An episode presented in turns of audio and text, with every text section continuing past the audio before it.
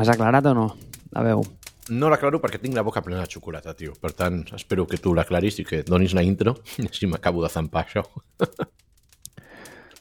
Ostres, una intro. Va, vols que t'expliqui la meva nova dicció o no? Em sembla que pot ser una dicció compartida. Podria ser la primera que tenim compartida, Marc. No. Quina altra? Què més podem tenir? A veure, és que no sé quina és la primera. Aquesta no és compartida. Aquesta no és la xocolata. O sigui, la meva addicció a la xocolata és eh, evident i ha estat Vale. sempre. Vull dir que t'expliqui això no és una, no, no és una novetat. T'explicaré la nova addicció. Intel·ligència artificial. Mm, Més específic. val. Eh, Mira, històricament jo hi ha un producte que detestava perquè no l'entenia, vale? que era Discord. Perquè com a millennial jo era un paio que el feia servir com Slack, però no es fa servir com Slack en realitat. Quan entens Val. com funciona Discord, dius, ah, vale, Discord funciona així. Eh, no, bueno, no està fet per la nostra generació, això, Àlex. Això malament. Vale? Però és que li he trobat una utilitat. Què és el que no entens de Discord? No, clar, és que tu et penses que l'entens, perquè jo també em pensava que l'entenia, perquè el feia servir com Slack, però Mm -hmm. no és el mateix. És a dir, la arquitectura global del sistema no està pensada perquè es faci servir com Slack, sinó que Discord en si mateix és una plataforma per crear el que vulguis a sobre. I un cop entens això i parles amb gent que realment ha setejat servidors molt bèsties, dius, hòstia, diu, això no és Slack eh, de color lila. Però no volia entrar aquí. El que volia entrar és que hi ha un producte que, com sabràs bé, i en parlarem avui, es diu Midjourney, Mm. que per cert, que per cert, Sí. ho diré, eh? Quin nom més bonic. M'agrada molt. Qui collons s'inventa aquests noms, per favor? Que vingui m'ho digui tu, o sigui, em doni idees, és que són molt bons. Però he trobat el tio, la meva nova addicció és anar a Midjourney i generar imatges eh, de cotxes històrics i clàssics. És impressionant. Hòstia. Però Vale, vale, vale, vale. I, i, i imatges de cotxes que t'explota el cap. Li dius, porta'm aquí un Ford GT40 barroc eh, amb els colors de Repsol, per, per dir alguna cosa, eh? És a dir, pots ficar el que vulguis, és que és molt bèstia. I és que t'ho dona, i és que és boig. És molt boig. I jo no sóc d'aquestes persones que sol perdre el temps amb, aquestes, tio, amb, amb aquests temes, però sóc víctima d'haver-lo perdut, perquè a més, de part bona, i ara entrem, eh? ara entrem al tema de la generació, eh? però hi ha una cosa que m'agrada molt i és que hi ha algunes pàgines que són com repositoris de, mm, de frases on et dona tots els prompts que són bons per treure segons quines coses. ¿vale? Però el bo de Midjourney és que et posa en un servidor amb quatre o cinc paios que per lo general saben bastant més que tu i tu veus els seus prompts i llavors aprens una mica del que fan ells. I és boníssim. És boníssim.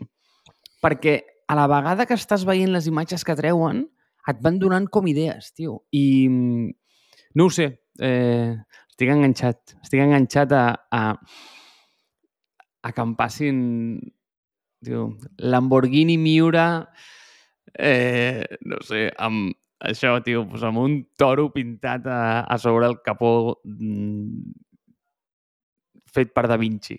I, i, i és acollonant, tio, perquè et treu unes coses molt boges, tio. Et treu unes coses molt boges.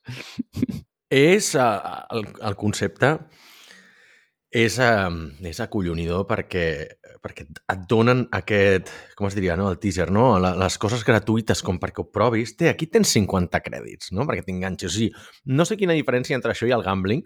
El concepte també és el, com el que et diuen, enganxa com la droga, no? que algú t'ho deixa provar, així gratis, i al final acabes pagant per això. Per què? Perquè la majoria d'aquestes plataformes, igual com ja estava la... Jo em vaig apuntar bastant ràpid, no?, la llista del el, el DALI 2. I, I diu, aquí tens 50 crèdits.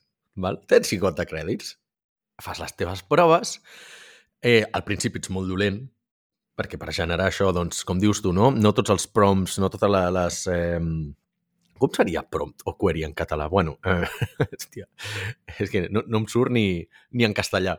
Eh, el, el, el prompt no m'hi queda com la, com la, la, la idea que tu li has de donar, no? la descripció que per, a través de la qual de, o a partir de la qual t'ha de generar la, les imatges, eh, no necessàriament per ser més complexa et treu millors resultats, que això és una de les coses que costa una miqueta d'entendre, no? Perquè tu dius, ostres, serà molt millor el resultat si jo li dic vull una imatge de Donald Trump uh, assegut ell sol al despatx oval, bevent-se una Diet Coke amb la bandera americana de fons i un fons post-apocalíptic amb explosions nuclears. No? I tu dius, poses això i no et genera un resultat millor que Donald Trump sentint-se sol per exemple. És molt estrany, eh, aquest concepte, perquè, clar, així com en SEO, en el, el, quan tu busques a Google, com més específic siguis amb la cerca, millor, aquí, és el, aquí de vegades és al revés. O sigui, no necessàriament per ser més específic trobaràs el millor resultat. Quan tu vols buscar una cosa a Google, si tu li poses eh,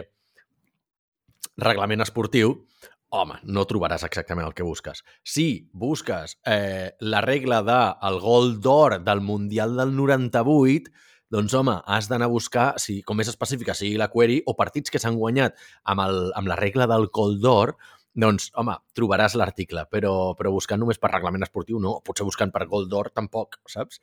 Um, per tant, eh, és una miqueta un concepte contraintuitiu. Fas les teves proves i comences a veure coses, i després també hi ha el tema aquest de que et generen les imatges preliminars i que després tu vols que una imatge estigui en major resolució, no? Perquè ell et posa com, et posa, t'ensenya com quatre, em sembla que Midjourney també és així, no? Que és, t'ensenya quatre, eh, quatre propostes i tu li dius, vull més com aquesta o és exactament aquesta, dóna-me-la amb, amb alta resolució. I aleshores aquí són...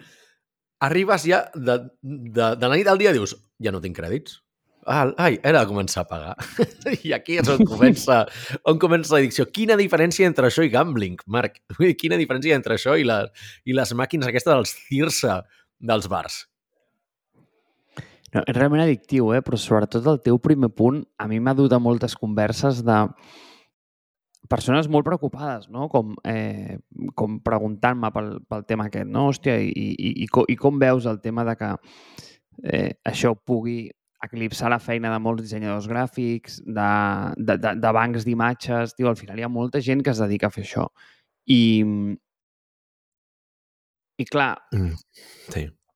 és inevitable. O sigui, és que és inevitable. És inevitable i, i passarà, no? I ara això s'ha vist com un joc, no? I tu, com em posava aquesta, aquesta imatge al gambling, i és cert, i és cert, eh? Vull dir que realment no hi ha cap diferència perquè és addictiu té de aquest component d'addicció, exacte, té aquest component d'addicció i d'aleatorietat que el que et fa pensar és que dius, no, a veure, la següent serà la bona. M'he gastat tota aquesta pasta, tens el cos submergit aquest de dir, hòstia, m'he gastat 45 crèdits, però el següent serà el bo, perquè crec que ja tinc la query. Fas i dius, no, no la tens. Llavors, clar, a mi, tornant al punt aquest, eh, ara vaig a fer una mica de l'avi tribunero, no? I, I és que sí que és preocupant perquè pot deixar molta gent fora i, i és real, passarà i, i això ja no va menys. És a dir, ara hi ha hagut un hype i, i, i això doncs, dintre de quatre dies ningú se'n recordarà perquè és, és, és, és aquesta idea de que un cop funciona ja deixa de ser intel·ligència artificial, saps? Eh, I ara hi ha mil coses que funcionen a la nostra vida que donem per sentades que fa quatre dies mmm, ens explotava el cap, no? I dèiem, hòstia, això és, tio, no mames, no? Eh, però ens avorrim i ja ho donem com, com algo molt commodity eh, el que sí que veus és que, i, i jo intentaré com donar com la, la, not, la nota positiva, no? I és el que sempre et dic, no? Com, com estan apareixent aquestes noves feines eh, a, a la cresta de la onada, eh? És a dir, i això em sembla super interessant, com a la frontera de la innovació. És a dir, fixa't, no sé si ho sabies, però una de les feines més ben pagades que hi ha avui Saps quin és, Àlex? És molt bèstia, això, eh? I està molt demandada. Està Digues. molt demandada, tio. no sé si ho havia comentat abans al podcast, no tinc ni idea, però està demandadíssim el concepte de thumbnail engineering. És a dir, el tio que dissenya els thumbnails dels youtubers perquè la gent cliqui. Tio, hi ha persones que es dediquen a aquesta especificitat, tio. I... Sí, l'artwork de podcast també, vull dir, si jo em vaig haver de buscar pel, pel, pel nostre podcast de Mars Reis, me'n recordo, hi ha Upwork, hi ha, hi ha Fiverr i no sé què, hi ha tot, de, inclús persones que estan espe específicament entrenades per gravar intros de podcast. Vull dir que l'especificitat també està recompensada de vegades. O sigui, sí, sí, hi ha, hi ha aquest nínxol. Evidentment que segurament són gent que fa més, però s'ha especialitzat en això, tenen bon SEO amb això, bones recomanacions, al final diuen, bueno, per aquí mentre la majoria de coses, potser és com una miqueta el, el projecte de ficar la puteta a la porta en una persona i després, si veuen que li gravo bé la intro al podcast, potser em demanen que li faci doncs no sé, un eh, llegir-li eh, o gravar-li un audiolibro o eh, fer-li de, de co-host en el, el podcast mateix. Vull dir que és una bona manera de, de donar-se a conèixer. Clar, i què veig aquí, no? Doncs que d'alguna manera aquesta nova tendència et portarà noves feines, probablement, per exemple, el que tu deies, no? un prompt engineer, un tio que... Decididament. És molt bo portar pro, eh, traient proms i és molt bo fent això. Però és molt bo específicament fotent això, tio. I... És que... Digues, digues, digues. No, no, no. Eh, que hi ha una cosa que, que ara has dit eh, i que a mi em fa molta gràcia perquè tu sempre dius i, i ho estava pensant l'altre dia i és que tu sempre dius l'especialització és per a les formigues, ¿vale? però fixa't, eh? Jo m'imagino el món futur i si li tingués que donar un consell al meu fill, li diria, Titu, en aquesta vida tens dues opcions. Aquí només triomfaran els que s'especialitzin com les formigues, però a nivell atòmic, o els generalistes que et trauran, o sigui, tio, que seran problem solvers i, i, i, emprenedors, bàsicament. És a dir, els bueno patadors que es tindran que buscar les castanyes, es diu així? O treure les castanyes del foc? O, o buscar les garrofes? No ho sé. bueno, que s'hauran de buscar la vida, tio. Que s'hauran de buscar la vida. I després estaran els especialistes, que no els hi faltarà mai la feina, però és això. Vull dir, tio, seran molt bons en això, no? En dissenyar thumbnails de YouTube. Eh, I coses d'aquest tipus. Generalment els especialistes crec que tenen sentit eh, en una etapa d'adopció de la tecnologia. És a dir, al principi, o sigui, tot especialista és un, és un generalista reconvertit. Val? Eh, no comences des de zero i et converteixes en especialista en generació d'imatges, eh, escrivint prompts per intel·ligència artificial del no-res. Segurament has estat un generalista abans que t'has dedicat a provar noves tendències i vas ser dels primers que va comprar Google Glass i t'has comprat un Oculus i després et vas ficar en criptos, en NFTs, i estàs com en noves tendències, de cop i volta trobes una que és en la que et vols especialitzar i t'hi fiques, no? I, I la que veus que et, dona, que et dona molt més retorn en la teva inversió. És com el concepte, que jo faig servir molt el concepte de quan comences a fer ventes per una empresa, que dic, fes la, fes la tàctica de la granada de dispersió, val?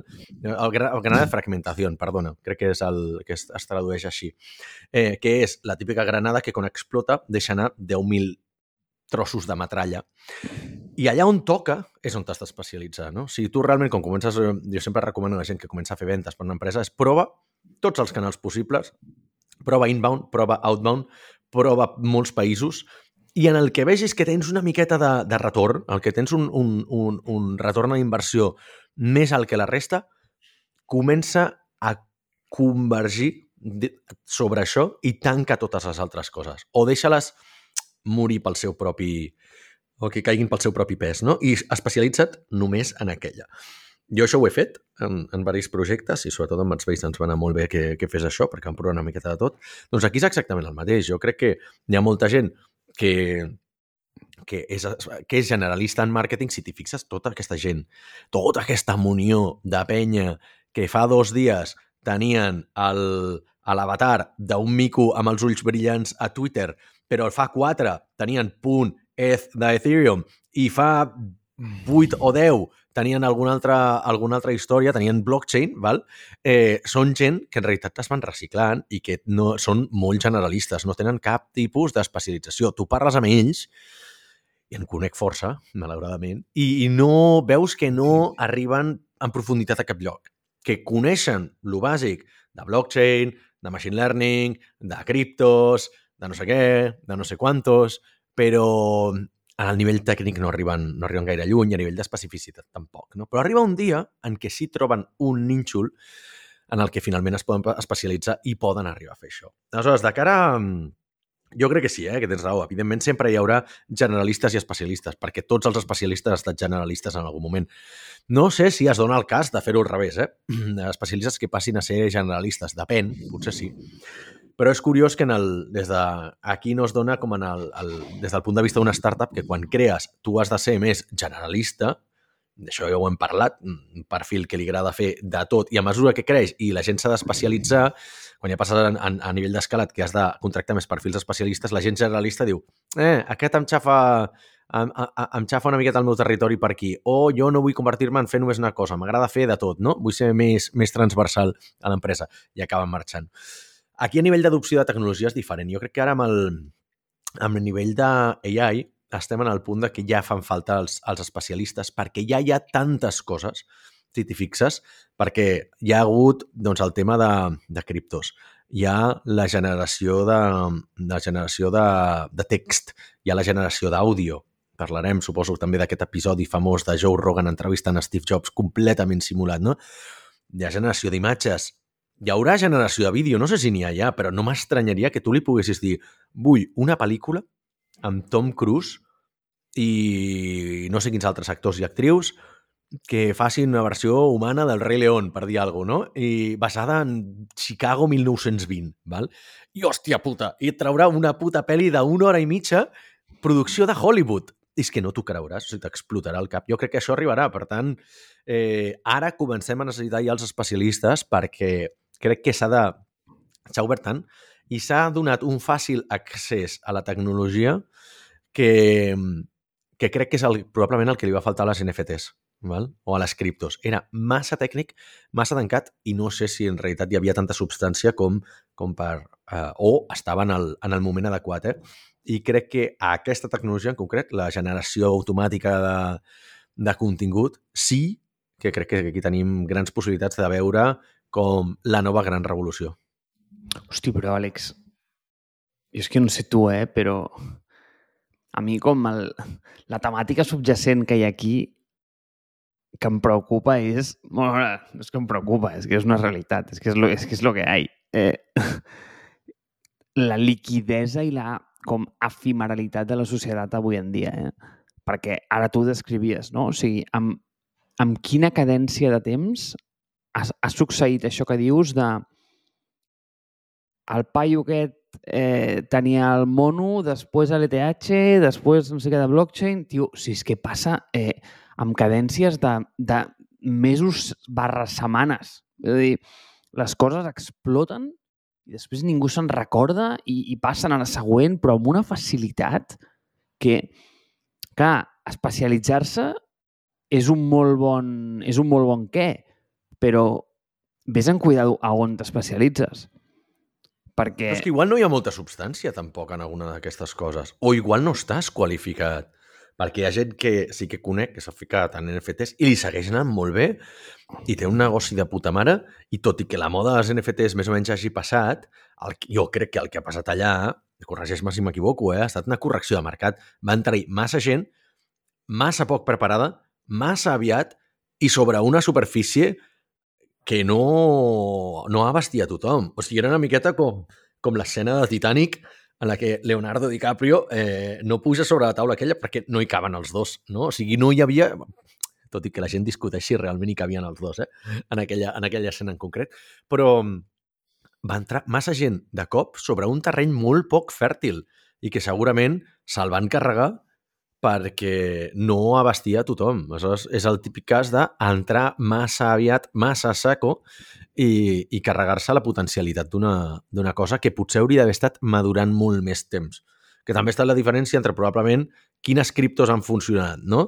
eh, doncs, eh, evidentment, totes aquestes que han acabat sent les, les shitcoins, no, però Bitcoin i Ethereum, que probablement són les dos al meu entendre, eh, les dues úniques que tenen sentit són les que més temps han estat madurant, les que més ha estat treballant a nivell de producte, de tecnologia, d'integracions, visió de negoci, tal, tal, tal, amb gent sobradament qualificada i la resta han mort, com passa amb tothom, com passa amb totes les modes. Empreses de patinets, quantes en van créixer? En van, en van sortir el 2014 fins al 2016. 80 a Barcelona, en un mateix dia podies comptar-ne 10 o 12. Val? Ara quantes n'hi ha? Amb sort en trobes una i crec que se les han carregat a totes perquè no recordo ja veure patinets d'aquests de lloguer per Barcelona. Eh, scooters, mm, cotxes de tipus Ubers i Cabify i tot això. Passa exactament el mateix en cada, cada sector. Una gran explosió, massa gent, s'ho carreguen i al final consolidació de mercat. No? O sigui, jo crec que ara estem en la obertura de, de la generació automàtica de contingut per, per intel·ligència artificial i si ho saben regular bé, i crec que veient els models de monetització, crec que han donat una miqueta en la clau, crec que això pot ser una eina, una eina de futur que es quedi aquí per molt de temps. O sigui, jo vaig ser molt escèptic en blockchain, segueixo sent-ho, soc, vaig ser completament escèptic, si no contrari a les criptomonedes, i, però aquesta d'aquí sí que me la crec perquè hi veig un valor real. Et dono un exemple, et dono una paraula perquè t'he tallat, tio. Eh, però quan tu parlaves del tema de la, de la destrucció dels llocs de feina i tal, tal, tal, dic, sí, però... I no posaré el típic exemple de això és com si el que deia Henry Ford, de que si li haguessin preguntat als seus clients que volien, eh, dirien cavalls més ràpids. No. Això és de, de que tu estàs, com, estàs conduint un puto Lamborghini per l'autopista i tu et creus que ets el... i com a content creator, que, que creus que ets el millor de la, de la història perquè tu tens el teu canal de YouTube amb un milió de seguidors i de cop i volta et passa una cosa pel, pel carril de l'esquerra a 2.000 km per hora i no saps, no has ni vist què és. No saps si és un cotxe, si és un coet, si és un avió, si és un dron o què. Està passant una cosa que ni tan sols has vist i no ho entens, no? I aquí el meu punt és el que... I en el podcast aquest que... El de My, First Million, no? que, que està molt bé justament comentaven això, dona un exemple molt clar. Diu, fins ara hi ha hagut una comoditització de, de, de, de, de creadors de contingut per un valor relatiu. M'explico. Fotògrafs de boda, val? Està clar que cada un, com a individu, té un valor alt, no? Perquè dius, hòstia, vull agafar el millor fotògraf per la meva boda perquè, doncs, evidentment, tenen un valor afegit. Aquest està especialitzat en bodes a la platja, aquest en no sé què, no sé quantos, però al final tots acaben més o menys valent una cosa similar, un fotimer de pasta, acaben tenint les mateixes condicions i acaben operant similar. Què passa? Que ara surt una tecnologia que et permet generar les fotos de la teva boda sense que facis la teva boda, sense que hagis de contractar fotògraf, sense que et digui no tinc disponibilitat fins al maig de l'any que ve, i en comptes de pagar 10.000 pavos per les fotos, en pagaràs 30. I les tindràs instantàniament. O sigui, tens el que diem sempre, no? el 10x, el valor eh, 10 vegades o per cent en preu, en velocitat i inclús en execució, perquè serà perfecte, i et treus un intermediari de per mig. Hòstia puta, això és una revolució bestial. O sigui, jo aquí ho veig que la gent s'haurà de posar les piles, però és el que dius tu, com deia abans, sempre acabarà sortint... Ara, i sona cliché i sona tòpic, eh? Sortiran les noves professions que dius tu, el, el creador de prompts, l'entrenador de corpus d'intel·ligències artificials, el corrector de no sé què, el, inclús sortiran les tecnologies que Microsoft ja n'ha tret una, si vols en parlem també, de com detectar si una cosa està feta amb intel·ligència artificial o no. Val? Perquè dic, home, feta la llei, feta la trampa, no? Si, si tu m'intentes vendre un vídeo de que Donald Trump eh, es treu la polla i fa l'helicòpter insultant a, a, a Putin i això pot causar una guerra nuclear mundial, home, potser a Putin o al, a la gent del món li interessa que es pugui eh, que es pugui detectar que això està fet amb intel·ligència artificial i que, per tant, no haurien d'apretar el botó vermell de llançar totes les bombes nuclears cap al Pentàgon, saps? Eh, crec que d'alguna manera també hi haurà valor en poder detectar què és orgànic i què està, que està creat amb intel·ligència artificial. Per tant, sí i no, es destruiran moltes feines, però se'n crearan moltíssimes de noves i el que acaba passant sempre amb la tecnologia, pugen de valor les feines, pugen una miqueta de, de rang. Una altra cosa és que tinguem la gent qualificada o no i quant de temps trigaran a adaptar-se. Però jo li veig mm, molt de valor en fer en aquest upgrade i que cada cop els humans fem feines de, de menys mecanicitat i, i, i menys automàtiques i, i puguem donar-li una miqueta més al coco i deixar de fer feines, en aquest cas no, no treus feines perilloses, però la robòtica ja ens ha ajudat molt, no? Per què no la intel·ligència artificial també, que utilitzem més el cervell i menys certes parts del, del cos? I després tinc un segon punt que te'l dic després de, del que hagis de dir tu. Sí, és que el teu... A, o sigui, al final... Aquí en, jo crec que aquí hi ha dos, dos cares a la moneda, no? I, i, i és perillós. Fixa't, fixa't. Una de les coses que has dit que a mi em sembla superinteressant interessant és el de, hòstia, com detectem si això és bo o no, no? Llavors tu em dius, no, és que està aquesta eina mm, de, de Microsoft que pot fer... Vale, vale, sí, t'ho compro, eh? Vull dir, eh, és, és, és, és un bon inici, però fixa't una cosa. A tu i a mi, quan érem petits, ens van explicar a l'abecedari i ens van dir la A va abans que la B i la C va després que la B. ¿vale? I després ens van donar una enciclopèdia i ens van dir, mira, aquí es busca per l'ordre aquest que t'he explicat abans. És a dir, per què, per què vinc aquí? Les eines que teníem a la nostra disposició ens van explicar com funcionaven. Val? Sí, sí, sí. A mi un tema que em té molt preocupat, i, i tio, igual és perquè eh, eh, eh perquè l'educació a mi és una cosa que em preocupa, eh? eh? I igual no és una preocupació global aquest tema, però és... Tio, com ensenyes... A veure, o sigui, Àlex, això canviarà el món big time. O sigui, d'una manera que no entens res. És a dir, tal i com veus el món eh, a dia d'avui i com el veuràs dintre d'un any, jo crec que el, del, el Delta no té res a veure amb com el veies fa un any. És a dir, mm, hi ha un ràtio que, que m'agrada molt i és com la quantitat d'anys que has de portar algú des del passat perquè li agafi un atac de cor eh, i flipi amb el que tenim, no? Eh, I, tio, veus com aquest temps s'està, però reduint d'una manera... Tio, abans necessitaves mil·lenis perquè això passés. I, I ara que jo crec que necessites setmanes, saps? És, és boig, absolutament, no? És boig. Absolutament.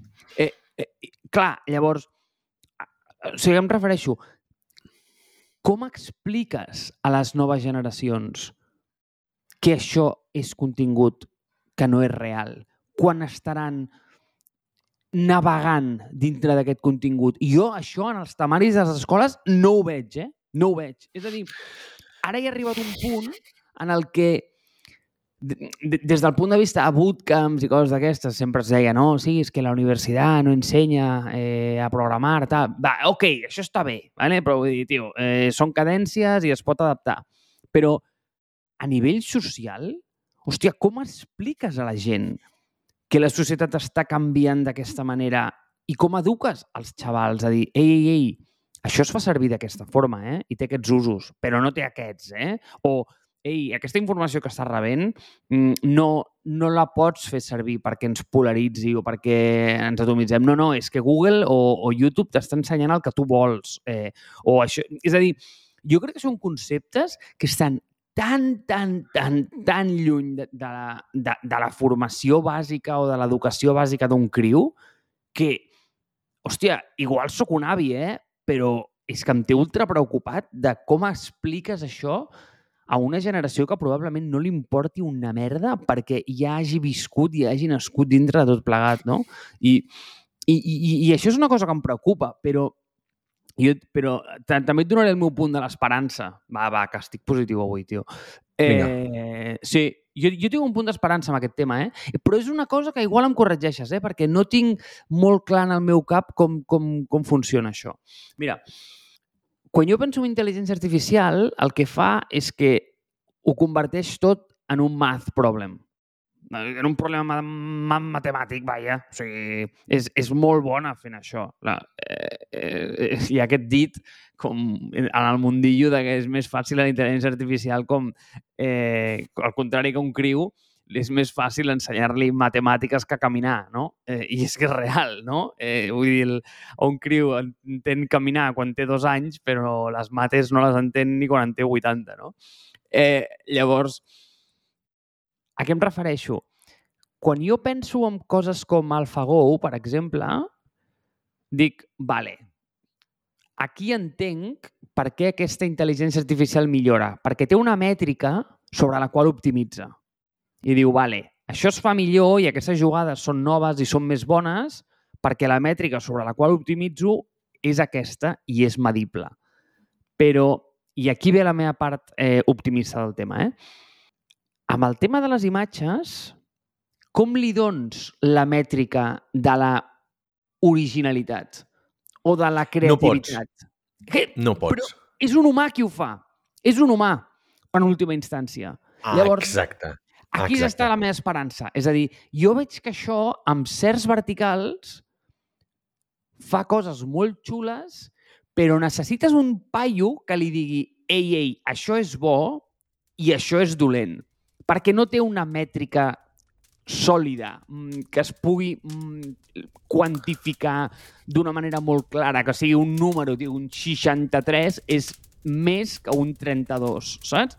Eh, no, aquí és tio, creativitat, originalitat. Com, com, com, com medeixes això? E, és algú que ho ha de fer, no? Llavors, eh, no sé, Àlex, tio, això em dóna esperança de que igual, igual, la, la podem ensenyar a fer alguna sobre el qual nosaltres sempre serem millor que ella, però no sé.